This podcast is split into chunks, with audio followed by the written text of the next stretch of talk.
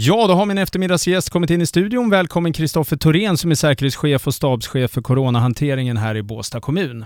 Tack så mycket. Eh, vi ska ju eh, prata som sagt om eh, pandemin och covid-19. Kristoffer, kan du ge oss en aktuell lägesbild på den här eh, smittspridningen?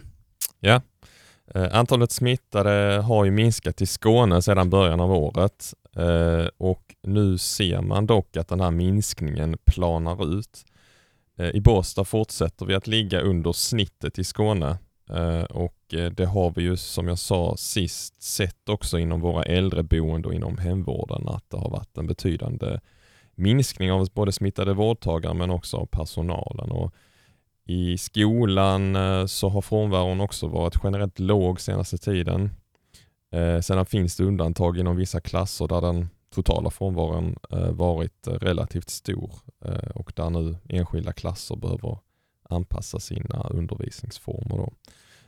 Men i stort så är det ganska låg frånvaro, ehm, sjukfrånvaro på totalen. Men den här minskningen då, att den har avstannat, det, det signalerar om en tydlig risk för att smittspridningen ökar igen. Eh, och den här minskande trenden på smittspridningen märks även nationellt och man har ju börjat prata, som säkert många hört, om en eventuell tredje våg. Eh, och att denna kanske kan komma i samband med sportlovet. Då. Eh, vad kan det bero på?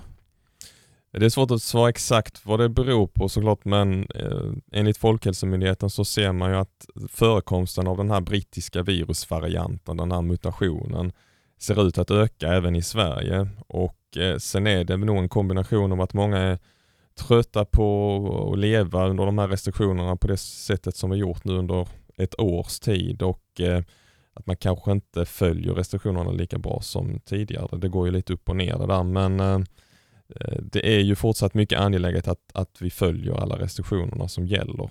Eh, och jag har ju sagt det här förut flera gånger här och jag säger det igen, men det är ju allas ansvar att, att förhindra smittspridningen mot viruset och eh, i det avseendet så, så är det ju ingenting som har förändrats.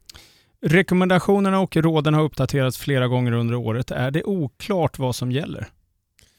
Alltså jag tror kanske inte att det är oklart men jag förstår om det är svårt att hänga med i alla beslut som tas och alla nya eh, råd och rekommendationer och riktlinjer på olika nivåer.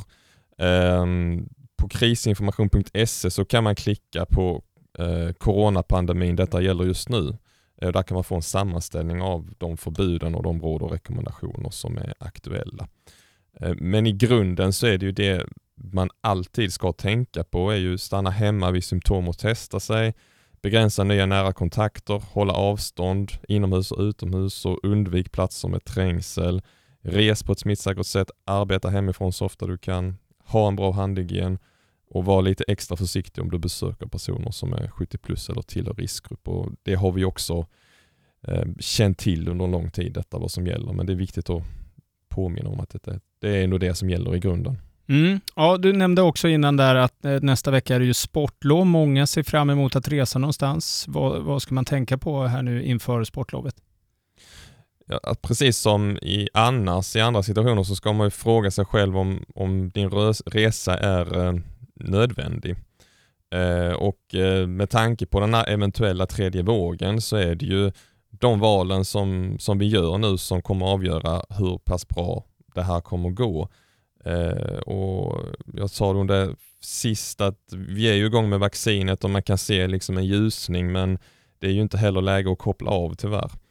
Eh, sen handlar det om vad det är man gör under sin resa såklart och att man gör själva resan på ett smittsäkert sätt. Och det är viktigt att tänka på att man begränsar eh, det kollektiva resandet så mycket som möjligt och att när man är på sitt resmål att man undvik, undviker att träffa nya kontakter och att man kan säkerställa att man kan isolera sig eller ta sig hem på ett säkert sätt om man får symptom. Ehm, eh, jag, jag tänker på det, finns det några speciella regler för de som åker utomlands? Ja, det finns det. Det har ju kommit eh, ganska nyligen rekommendationer för hur alla som eh, kommer eh, in till Sverige eh, bör agera oavsett vilket land det är som man har varit i. Eh, och är man född 2014 eller tidigare så ska man testa sig så fort som möjligt efter man kommer till Sverige. Såvida man inte då redan har testat sig inom 48 timmar i samband med hemresan då. Eh, och sedan ska man testa sig igen fem dagar efter ankomst. Eh, och eh, Eh, det står ju på 1177.se hur man eh, går tillväga för att testa sig. Eh, sen ska man också stanna hemma och undvika nära kontakter i minst sju dagar efter man har kommit tillbaka till Sverige. Eh, och Detta gäller också om dina test visar att du inte har covid-19. Eh, och sen och det här gäller också barn oavsett ålder så ska man följa rekommendationen att stanna hemma och undvika närkontakter. Eh, och visar då testen positivt å andra sidan så, så kommer man ju få då särskilda instruktioner från eh, Region Skåne. Eh, och eh, är man utländsk medborgare så krävs det nu ett intyg att man har testat COVID eh, negativt för covid-19 eh, om man ska resa in till Sverige. Eh, och det måste man visa upp då vid gränsen. Så om du har alltså rest utomlands kan du inte gå tillbaka till skolan och jobb direkt när du är hemma igen? Precis. Man kan alltså inte gå tillbaka till jobbet, man kan inte gå tillbaka till skolan direkt när man kommer hem igen. Eh, man ska stanna hemma i sju dagar efter att man kommit tillbaka till Sverige eh, oavsett om man är vuxen eller om man är barn. Eh, barn under sex år ska också vara hemma efter utlandsresa och det här är en, en skarp rekommendation som, som Smittskydd Skåne och Folkhälsomyndigheten nu har lyft upp och, Det är också samma regler oavsett om du har haft covid-19 eller blivit vaccinerad. Eh, för det handlar i, i, i grunden om att förhindra eh, att de här nya mutationerna, de här muterade varianterna ska spridas i samhället. Har du någon eh, avslutande uppmaning?